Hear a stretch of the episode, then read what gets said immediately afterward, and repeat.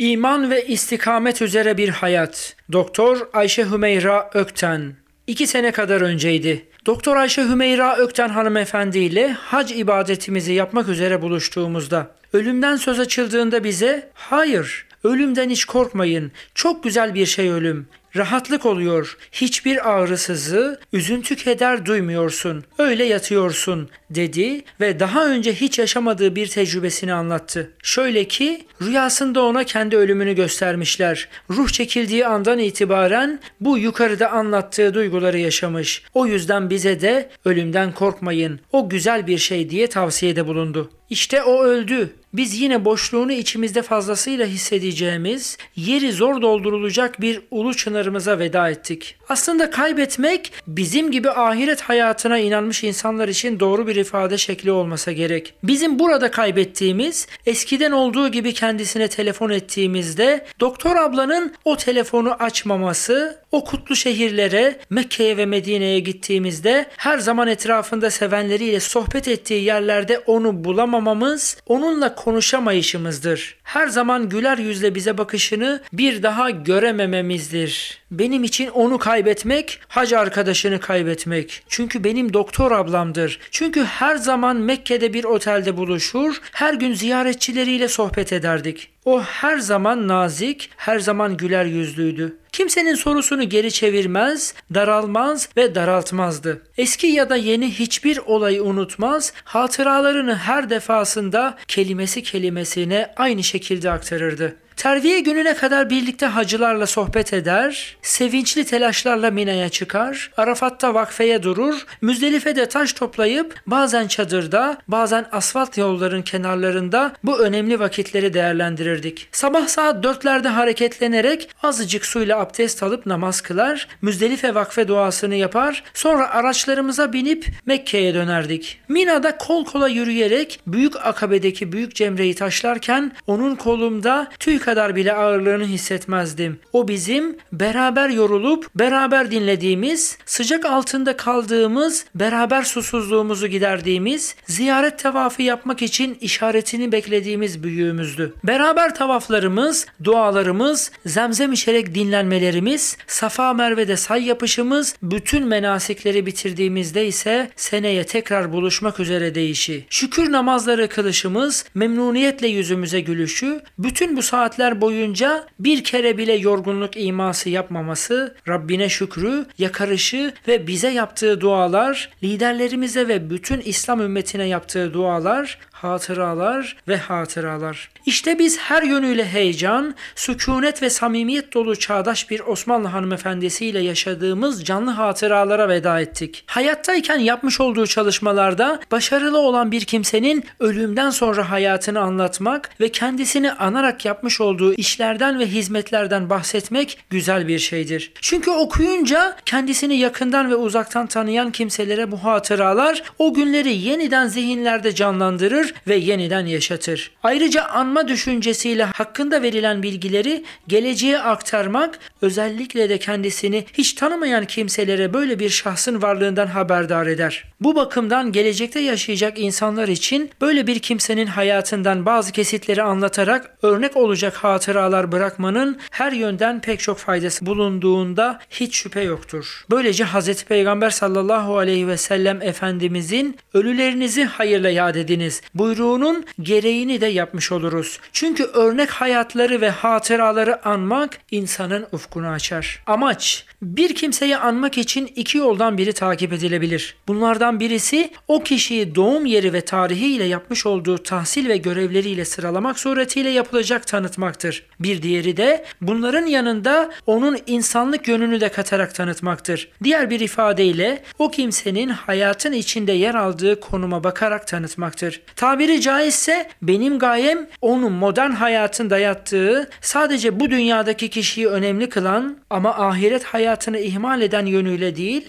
imanın tezahürü olacak şekilde hayatın içinde görerek fotoğrafını çekmek ve ortaya çıkan bu resmi hareketlendirecek olayları onunla beraber olduğum zamanlarda şahit olduğum yönleriyle dile getirerek anlatmaktır. İşte ben Doktor Ayşe Hümeyra Ökten Hanım'ın doğumunu, ailesini ve tahsil hayatını anlatmayacağım. Ben burada onunla beraber hac arkadaşlığı yaptığım zamanlar içinde yaşadığımız tecrübeleri, bana ve hacılara anlattığı hatıraları ve bende bıraktığı olumlu izleri anlatacağım. Çünkü kendisinden çok şey öğrendim. Onunla beraber geçirdiğim zamanlarda çoğu zaman ne kadar şanslı olduğumu hissetmişimdir. Onun hakkında yazmayı Allah'tan bu nimete şükür vesilesi olmasını niyaz ediyorum. Benim yazdıklarım geçmişte onun hakkında yazılan ve söylenenlere ve onu tanıyanların hatıralarına katkı sağlayacağına inanıyorum. Diğer taraftan bu yazılan ve yapılan tanıklıkların Doktor Ayşe Hümeyra Ökten hakkında Allah katında rahmete vesile olmasını ve onu Müslüman bir hanım olarak kendine örnek almak isteyenlere de bir kılavuz olmasını ümit ediyorum.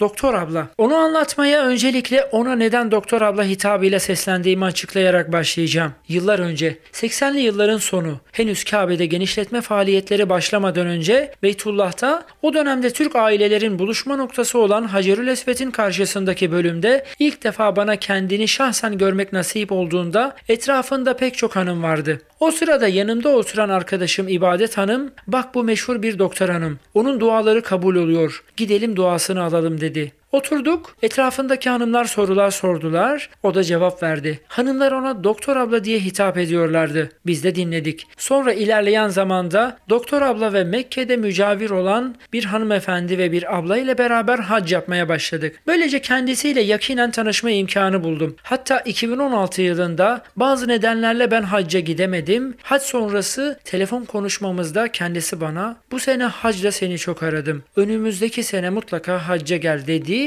bu konuşmamız üzerine ne kadar üzüldüğümü ve sevindiğimi tahmin edersiniz. Hacda beraber olduğumuz hanımlardan bir hanımefendi onu çok iyi tanır, kendisine doktor abla diye hitap eder ve Ayşe Hümeyra hanım da onunla beraber olmaktan keyif alırdı. İşte bu hanımefendi ona teyze, anne veya başka türlü kelimelerle hitap edenlere yaşı ne olursa olsun kendisinin doktor abla olarak kalmasını istediğini söyledi. Bundan sonra ben de ona hep doktor abla diye seslendim. Hatta bir defasında doktor abla diye hitap edilince işte böyle oldu. İhtiyarım ama ablayım diyerek tebessüm tebessüm etti. Sonradan kendisinden öğrendim ki ona ilk olarak doktor abla diye hitap eden kişi Mehmet Zahit Kotku Hazretleriymiş. Kendisi de bunu çok sevdiği için herkesin ona böyle hitap etmesini istemiş. O bir kurrete ayun, gözlerin nuruydu. Bazı insanlar vardır, bütün güzel özellikleri kendinde toplanmıştır. Hayatı boyunca hiç boşluk yaşamamış, onu bütün yönleriyle doldurmuştur. Onları tanıtmak için kurduğumuz cümleler hep eksiktir. İşte Doktor Ayşe Hümeyra Öksen de böyle bir bir büyüğümüzdü. O Allahu Teala'nın Furkan suresi 74. ayetinde ifade edilen Allah'ın rızasının tecelli ettiği dostluğuyla huzur duyulan olgun bir insandı. O bu ayeti kerimede sözü edilen kurrete ayun yani gözlerin nuruydu ki bu deyim kalbin ferahlaması, ruhun huzur bulmasına ve iftihara vesile olan şeyler için kullanılır. Doktor abla öncelikle samimi bir imana sahipti.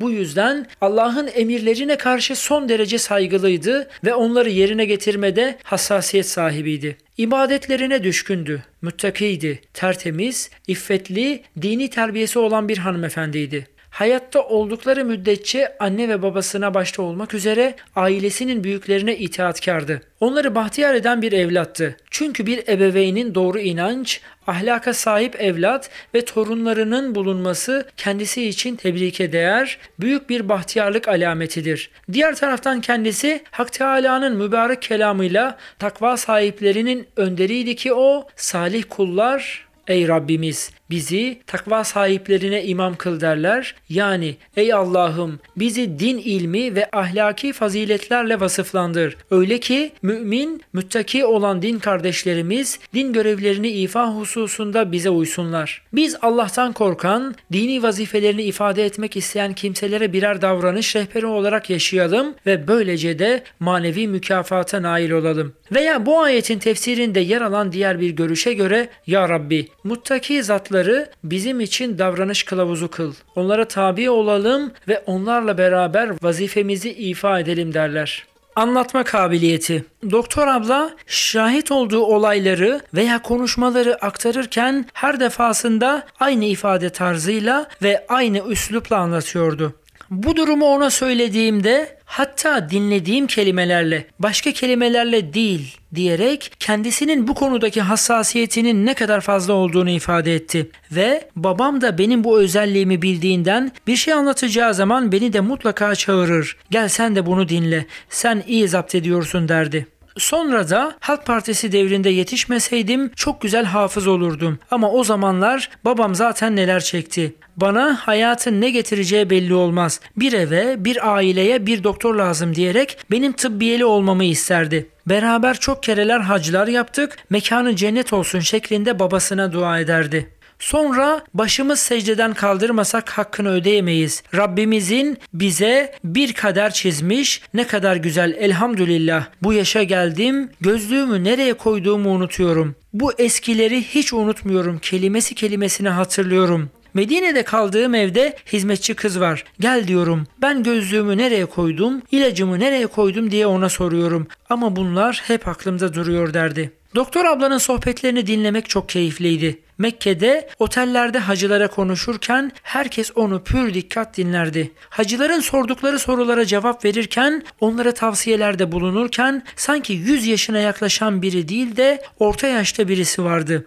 ve sanki karşınızda konuşan tek bir kişi değil de birden fazla konuşmacı, bir topluluk var da onların konuşmalarını dinliyormuşsunuz gibidir. Allah'ın verdiği uzun ömür nimetini en bereketli şekilde kullanmış ve çevresinde yardım isteyen herkese yardım etmiştir. Suudi Arabistan'da serbest tababat izni aldığı için Mekke ve Medine'de özel muayenehane açmış ve hasta kabul etmiştir. Bu bakımdan sadece Kızılay'la hacılara hizmet etmenin dışında bir de serbest doktor olarak İstanbul, Mekke, Medine yolculukları yapmıştır. Yolculukları esnasında pek çok şey yaşamış, pek çok insanla yolculuk yapmıştır. Türkiye'de ve dünyada yaşanan olaylara da asla kayıtsız kalmazdı. Cumhuriyet tarihini bir kamu görevlisi olarak yaşayan ve hala zihni yerinde vatanını milletini seven bir Türk vatandaşıydı. En büyük derdi İslam aleminin başsız bir durumda olmasıydı. Anlattıkları sadece uzun yaşamış insanların anlattıklarından farklıydı. Çünkü o kendisiyle ilgili pek bir şey anlatmaz, tarihe ışık tutan veya ibret alınacak şeyleri anlatırdı.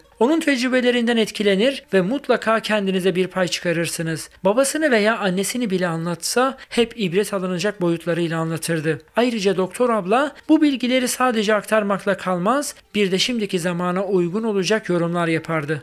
Kıyafeti. Doktor ablanın bir diğer özelliği de kıyafetlerinin her zaman temiz ve tertipli oluşudur. Bir defasında cuma saatinde otelin lobisinde bulunan bir odaya gideceği için nasıl olsa kimse yoktur. Dış kıyafetimi giymeden gideyim dedi. Tabi orada 1-2 saat durdu. Sonra tekrar odasına çıkması gerektiğinde lobide biraz kalabalık oluşmuştu. Doktor abla onları görünce dış kıyafetini giymediğine pişman oldu ve tüh bunları insan yerine koymamış gibi oldu diyerek üzüntüsünü belli etti. Üzerindeki elbiselerinin çoğunun mutavvıf Ahmet Zeki Bey'in hanımı olan Rahme Hanım tarafından dikildiğini söylerdi. Rahme Hanım her sene doktor ablaya bir elbise diker ve hediye edermiş. Doktor abla da elbiseleri çok kullanışlı olduğu için çok beğendiğini ve hala daha giymeye devam ettiğini söylerdi elbisenin modası geçti veya bundan sıkıldım diyerek onları bir kenara atmıyor, eskiyene kadar giyiyorum dedi. Sonra dış kıyafet vücudun şeklini belli etmeyecek şekilde uzun ve bol olmalı, rengi de dikkat çekmemelidir diyerek bu şekilde bir dış kıyafet giyilmesi gerektiğini söylerdi. Doktor abla bu haliyle bana hep Ayşe annemizi hatırlattı. Hep temiz ve tertipliydi. Başörtüsü, elbisesi hep yeni dikilmiş ya da satın alınmış gibi durur. Eskisini yenisinden ayırt edemezdiniz. Ama aslında bunların neredeyse 50 yıllık olanları vardır. Şöyle ki 2017 yılında yaptığımız haç sırasında bir gün yine söz Ahmet Zeki Bey'in hanımından açıldı ve o sene hacda giydiği üzerinde geometrik desenler bulunan açık kahverengi elbisesiyle ve çok açık gri üzerine serpme çiçek desenleri olan diğer elbiseyi Rahme Hanım dikmiş ve kendisine hediye etmiş. Bunu bize şöyle söyledi. Allah razı olsun. Ahmet Zeki Bey'in hanımı her sene bana böyle boydan elbiseler dikip hediye ederdi.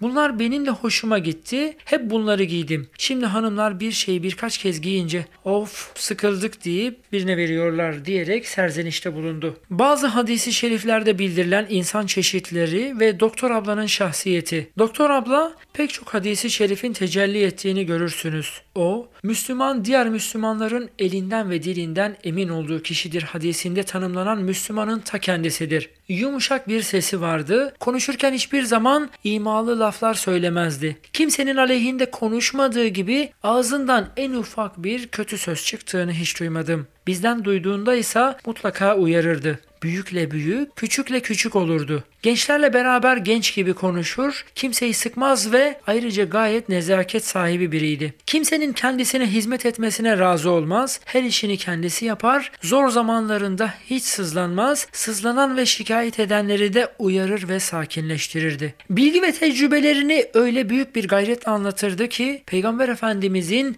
din samimiyettir hadisini hatırlarsınız. İbadetlerindeki gayretleri ise bu hadisinin devamında gelen kime karşı samimiyet sorusunun cevabıdır. Çünkü o bütün hayatını Allah'a, kitabına ve peygamberine karşı samimiyet üzerine kurmuştur. Ayrıca Müslümanların yöneticilerine ve bütün Müslümanlara yaptığı dualar ve uyarılarla onlara karşı samimiyetini ifade eder. Onunla beraber olduğunuz sürece doktor ablanın şu hadisi şerifte misali verilirken misk taşıyıcı sizin de o misk taşıyıcının arkadaşı olduğunuz kesindir. İyi arkadaşla kötü arkadaş misk taşıyan kimseyle körük üfüren kimse gibidir. Misk taşıyan ya sana onu ikram eder yahut sen ondan miski satın alırsın ya da ondan güzel bir koku duyarsın. Körü övülen kimsenin körüğü de ya elbisesini yakar ya da ondan ağır bir koku duyarsın. Bu hadisi şerifte özellikleri anlatılan salih arkadaştır. Çünkü o dini ve ahlaki açıdan iyi davranışlara sahip, yaşantısıyla, ilmiyle, ebediyle,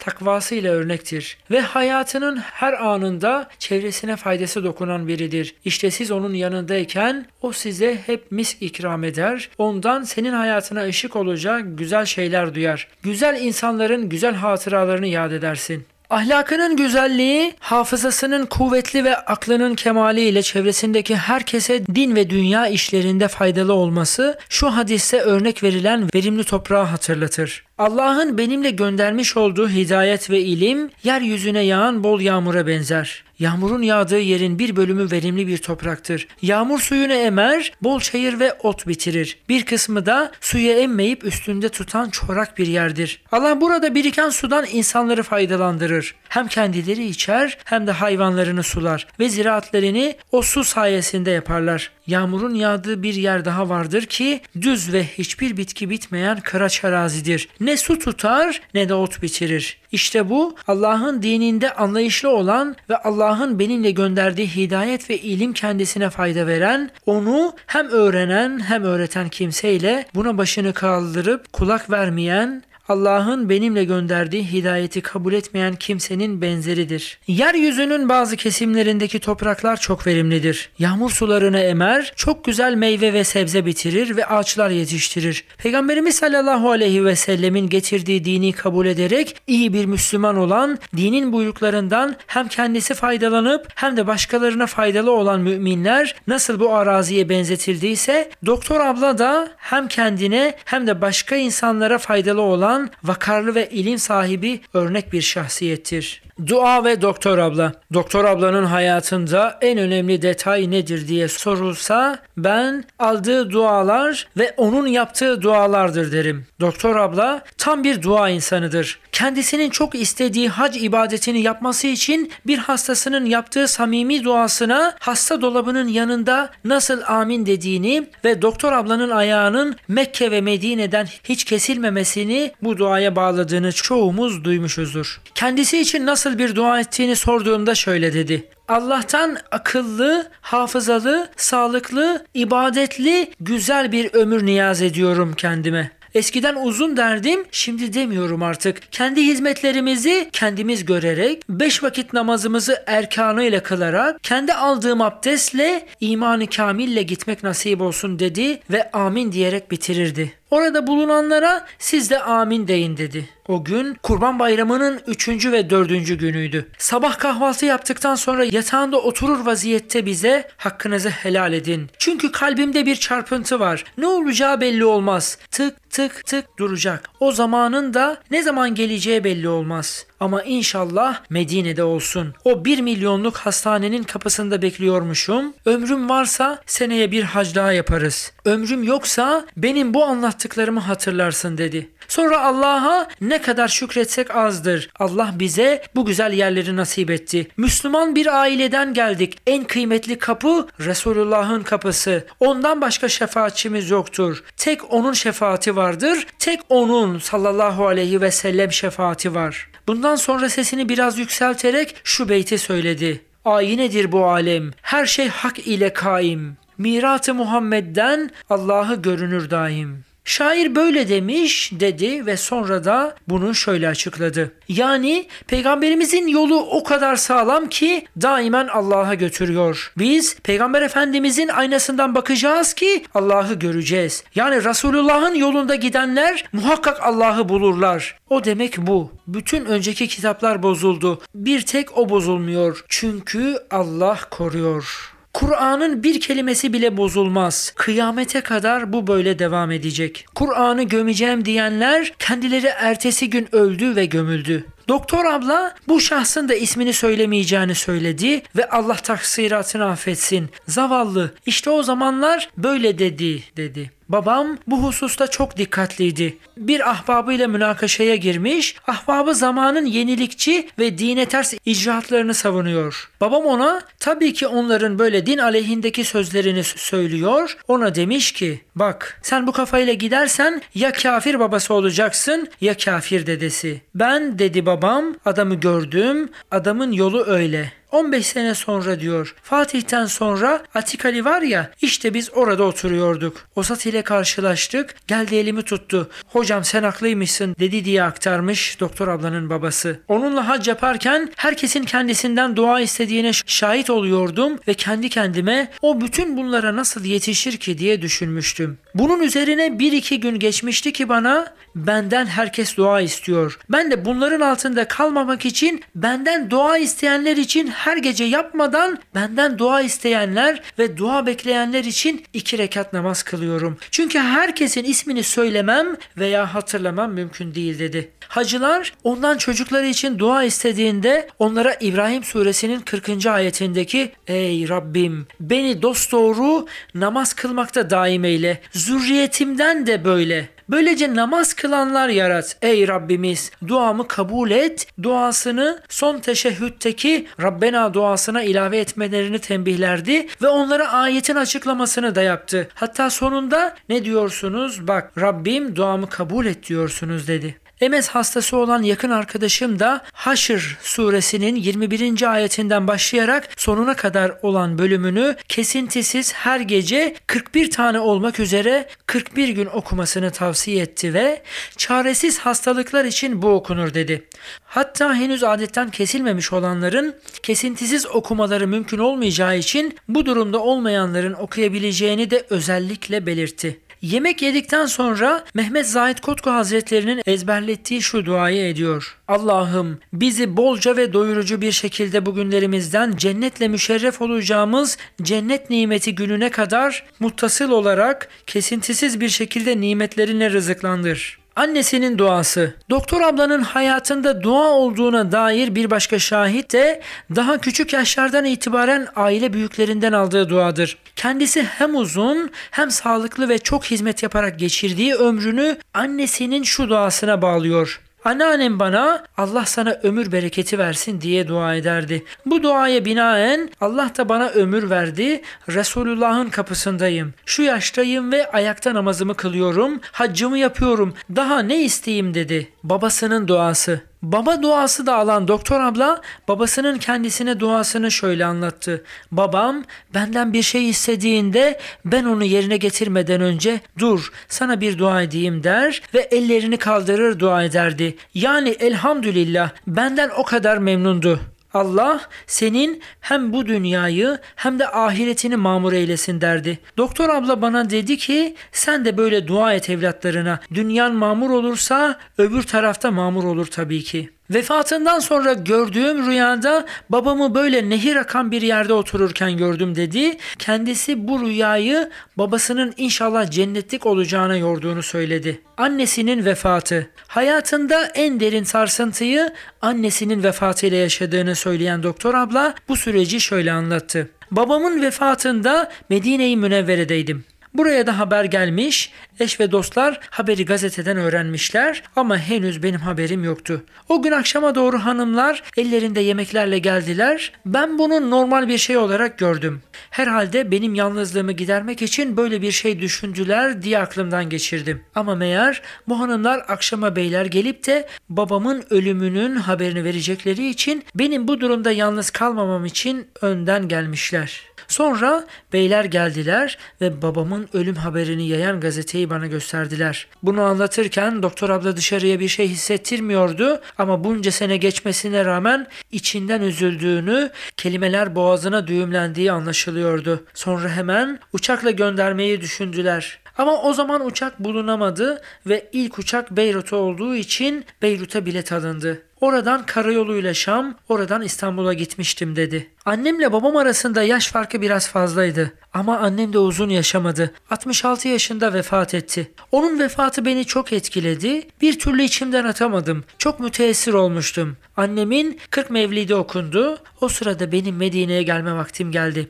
Onun için evden ayrıldım ve Medine'ye geldim. Benim o üzüntülü halim devam ediyordu. Orada Saime Hoca Hanım vardı. Kendisi ilkokul öğretmenliğinden emekli olmuş bir hanımdı. Medine'de yalnızdı. Her gün haremi şerife geliyordu. Orada görüşüyorduk. Bana sen bu acıyı başka türlü değil sadece Kur'an okumakla atlatabilirsin dedi. Saime Hoca Hanım bana Konyalı Mehmet Vehbi Efendi'nin Hülasatül Beyan tefsirini okutmaya başladı. Önce 30. cüzden başladık. Sureyi okuyup sonra tefsirini okuyorduk. Tefsirde nuzul sebepleriyle ilgili bilgiler de vardı. O tefsiri çok beğenmiştim. Saime Hoca Hanım daha sonra yaşlanınca orada kalmaya tahammül edemedi ve Türkiye'ye döndü. Hakikaten o Kur'an bana şifa olmuştu. Yoksa daima ağlıyordum. Annem çok muhterem bir hanımdı. Biz ondan hiçbir kötü söz duymadık. Hatta bazı annelerin çocuklarına söylediği bazı hayvanların adları gibi şeylerden hiçbirini duymadık. Babam biraz otoriter birisi olmasına rağmen babamın aleyhine hiçbir şey söylemez, sızlanmaz, onu şikayet etmezdi. Çok güzel misafir ağırlardı. Evimizde misafirsiz kalmazdı. Benim babama sorduğum bir soru vardı. Kur'an'da geçen altından ırmaklar akar nasıl olur? O da işte böyle otururken ayaklarının olduğu yerden nehir akar diyerek cevap vermiştir. Doktor abla annesini öldükten sonra rüyasında kır gibi bir yerde önünden nehir akarken gördüğünü söyledi. Cumhurbaşkanımız Recep Tayyip Erdoğan'a duaları. Doktor ablanın Tayyip Erdoğan'a karşı özel bir muhabbeti vardı. Bunun da sebebi Müslümanların İslami yaşayışı onun zamanında mümkün olduğu için sevdiğini söylüyordu. 2017 yılında sohbet yaptığı çoğu kişiye onu sevmeyebilirsiniz ama günümüzde onun yerine geçecek başka birisi yok. Mecburen hepimiz ona rey vereceğiz ve onu desteklemeye mecburuz dedi. Televizyon seyrederken haberlerde Tayyip Erdoğan'ı görünce hemen ayetel kürsüyü okuyup onu üflüyorum. Siz de okuyun dedi. Ayrıca bir de Allah onu hatadan, yanlıştan, kazadan, beladan, hastalıktan, darlıktan muhafaza etsin. Her işi hayırlı, faydalı ve muvaffakiyetli olsun diye dua ediyorum dedi. Bir başka akşam bana şunu da söyledi. Geçen seneydi. Seçim yapılacaktı. Her köye sandık konulacaktı. PKK dedi ki bu köyden farklı oy çıkarsa hepinizi yakarız. Tabii seçim oldu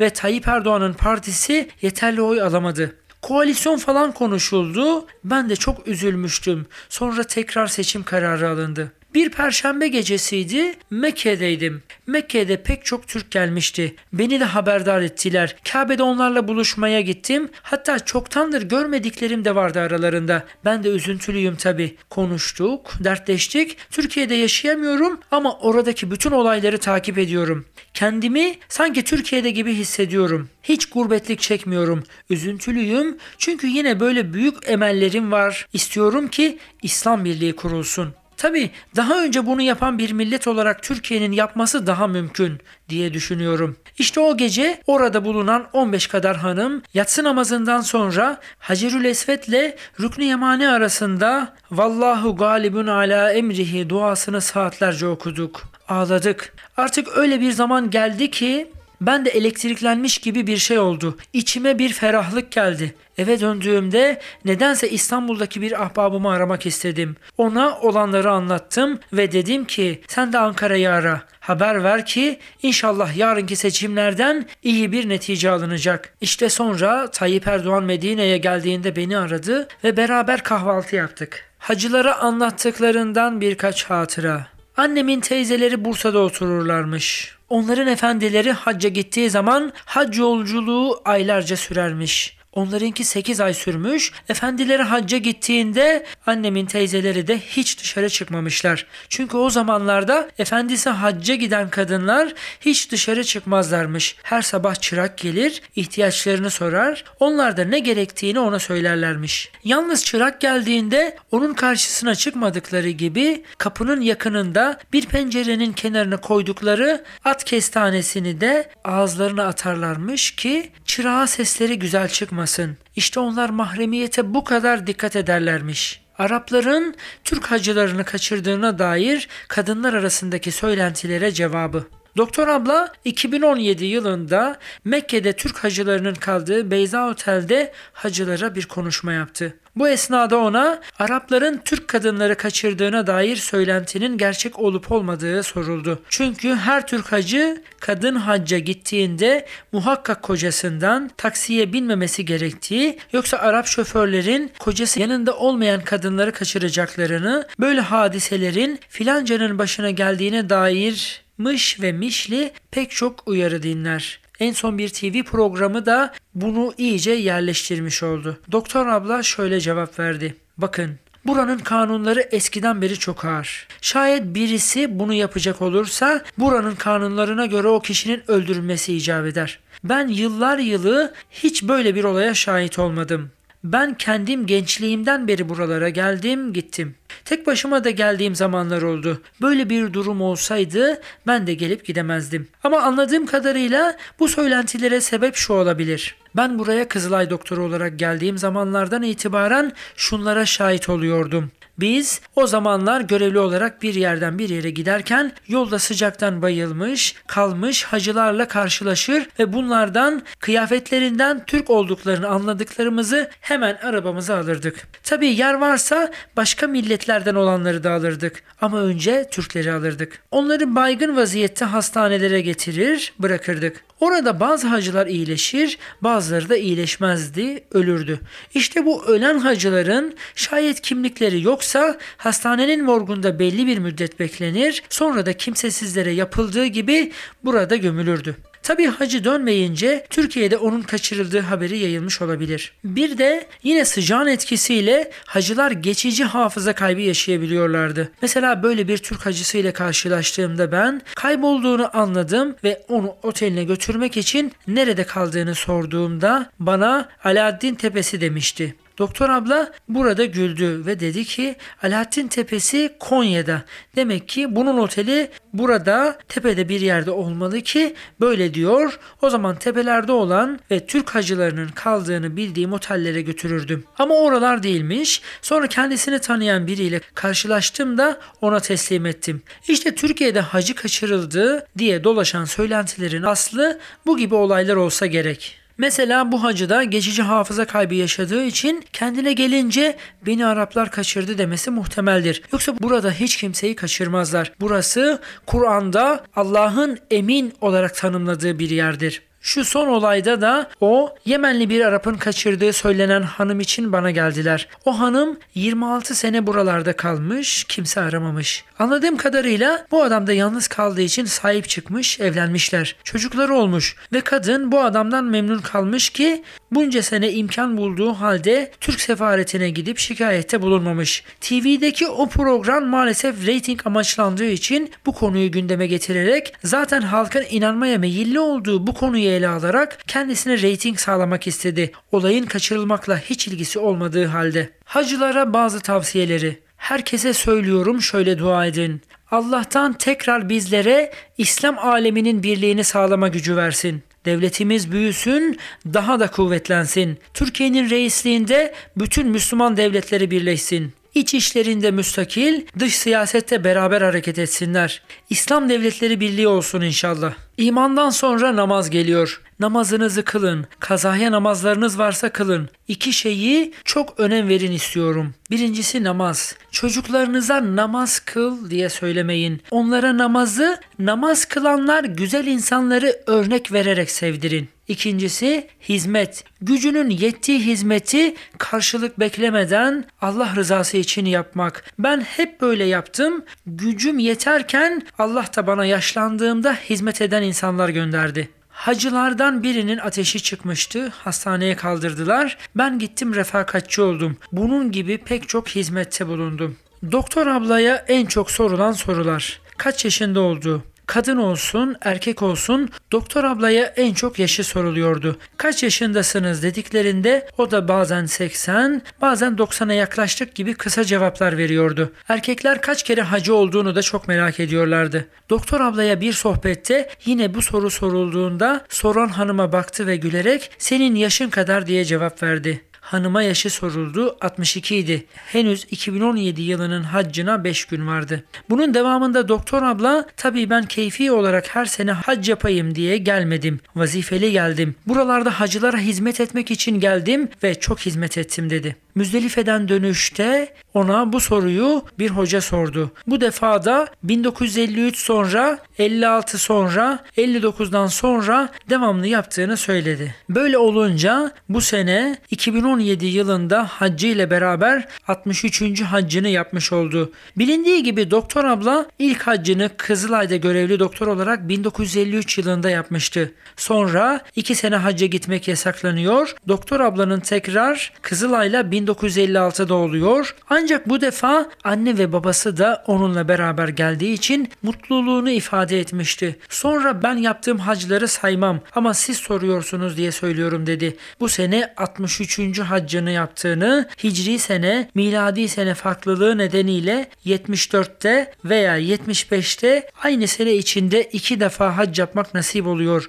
Bunun aynısı 2006 yılında tekrarlanıyor evlenmemesi. Hanımların merak ettiği bir konuda doktor ablanın evli olup olmadığı konusu oluyor. Kaç çocuğu olduğu soruluyor. Onlara gülerek sayısız. O kadar çok ki diye cevap veriyor. Bir defasında Allahu Teala benim içimden o sevgiyi de aldı çok şükür. Çocuk özlemi duymuyorum dedi. Bazen niçin evlenmediği de soruluyor. Bu soruya yerine göre bazen uzun, bazen kısa cevaplar veriyor. Bazen kısaca nasip değilmiş demek ki deyip cevap veriyor. Bazen de ben dedim ki erkekler için evlenmek çok önemli. Onlar mutlaka evlenmeli. Çünkü nesil onlardan devam edecek. Ben de bütün evlenmek isteyen, evlenecek olan kızlarla evlensinler. Şayet hala bir erkek bekar kalırsa ben o zaman evlenirim dedim. Şeklinde nükteli cevaplar veriyordu. Böyle nükteli cevaplardan Ardından başka bir de şunu dedi. Benim hayatım Medine İstanbul arasında geçti. O bakımdan evlenmem mümkün olamazdı. Ayrıca doktor olduğum için ailemizdeki büyüklerle de hep ben ilgilendim.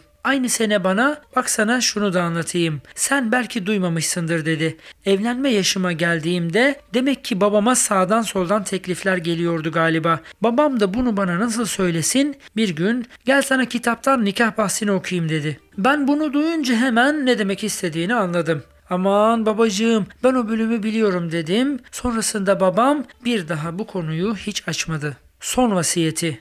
Doktor ablayı tanıdığımdan beri kendisinden en çok duyduğum şey öldüğümde Cennetül Baki'ye gömülmek isteğidir. O sene bana ve çevresindeki diğer hacılara şöyle söyledi. Beni öğretmen Mustafa Bey rüyasında görmüş, hastalanmışım ve hastaneye götürüyorlarmış. Götürdükleri ilk hastanede yer yokmuş. Diğerine götürmüşler. Orası da çok pahalı bir hastaneymiş. İşte o çok pahalı hastane Cennetül Baki. Çünkü orası Resulullah'ın hastanesi. Ben oraya gideceğim. Bakın şayet Mekke'de ölecek olursam beni bir çarşafa sarın, arabanın arkasına atın ve Medine'ye götürün. Orada cenaze yıkanan yere üzerime adımı yazan bir kağıtla bırakın. Onlar nasıl olsa beni yıkarlar, kefenlerler ve kimsesizlerin gömüldüğü yere gömerler. Sakın burada Mekke'de bırakmayın. Buradaki cennetül mualla bana çok azametli geliyor. Korkuyorum ama cennetül baki çok şefkatli, merhametli geliyor. Yine bu sene Kurban Bayramı'nın ikinci günüydü. Sabah kalp çarpıntısı olmuş. Bize hakkınızı helal edin dedi. Bir müddet sonra da çarpıntısının geçtiğini söyledi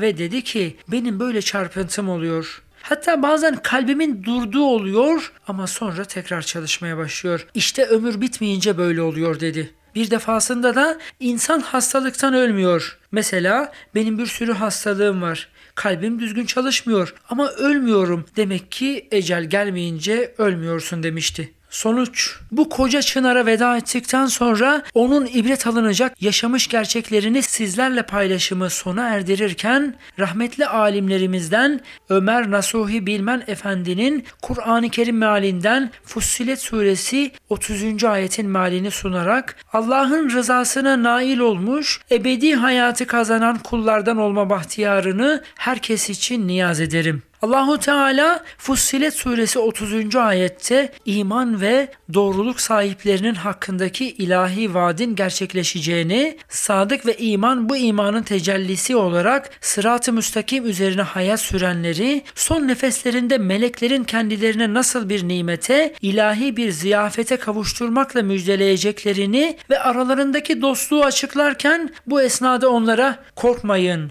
ve mahzun olmayın ve size vaad olunmuş olan cennetle müjdelenin diyeceklerini müjdeliyor. Çünkü onlar Allahu Teala'nın Rablığını, yaratıcılığını, birliğini ikrar ettiler mükellef oldukları vazifelerini tam bir samimiyetle yerine getirmeye devam ettiler. Allah tarafından müjdeyle iner melekler de onlara hitaben korkmayın. İnsanlık icabı yapmış olduğunuz kusurlardan dolayı korkuya düşmeyin. Cenab-ı Hak sizi bağışlar ve kendilerinden ayrılmış olduğunuz çoluk çocuğunuzdan vasiyetlerden dolayı üzülmeyin. Ebedi ferahlığa kavuşacaksınız ve size dünyada peygamberler lisanıyla vaad olunmuş olan cennetle müjdelenin. Çünkü siz siz cennetlere kavuşacak, onların içinde ebediyen kalıp nimetlere ereceksinizdir diyenlerdir. Meleklerin bu müjdesi ölüm zamanında kabirlerin ve dirilme zamanında vuku bulacaktır. İşte ilk başta doktor ablanın bize ölümden korkmayın o çok güzel bir şey diye sevinçten anlattığı şey belki de bu mübarek ayetin ona tecellisiydi. Benim doktor ablayı tanımam onun emeklilik yıllarına rastladı. Bu yüzden o yıllarda ona saygınlık kazandıran şeyin aslında yapmış olduğu mesleği olmadığını rahatlıkla söyleyebilirim.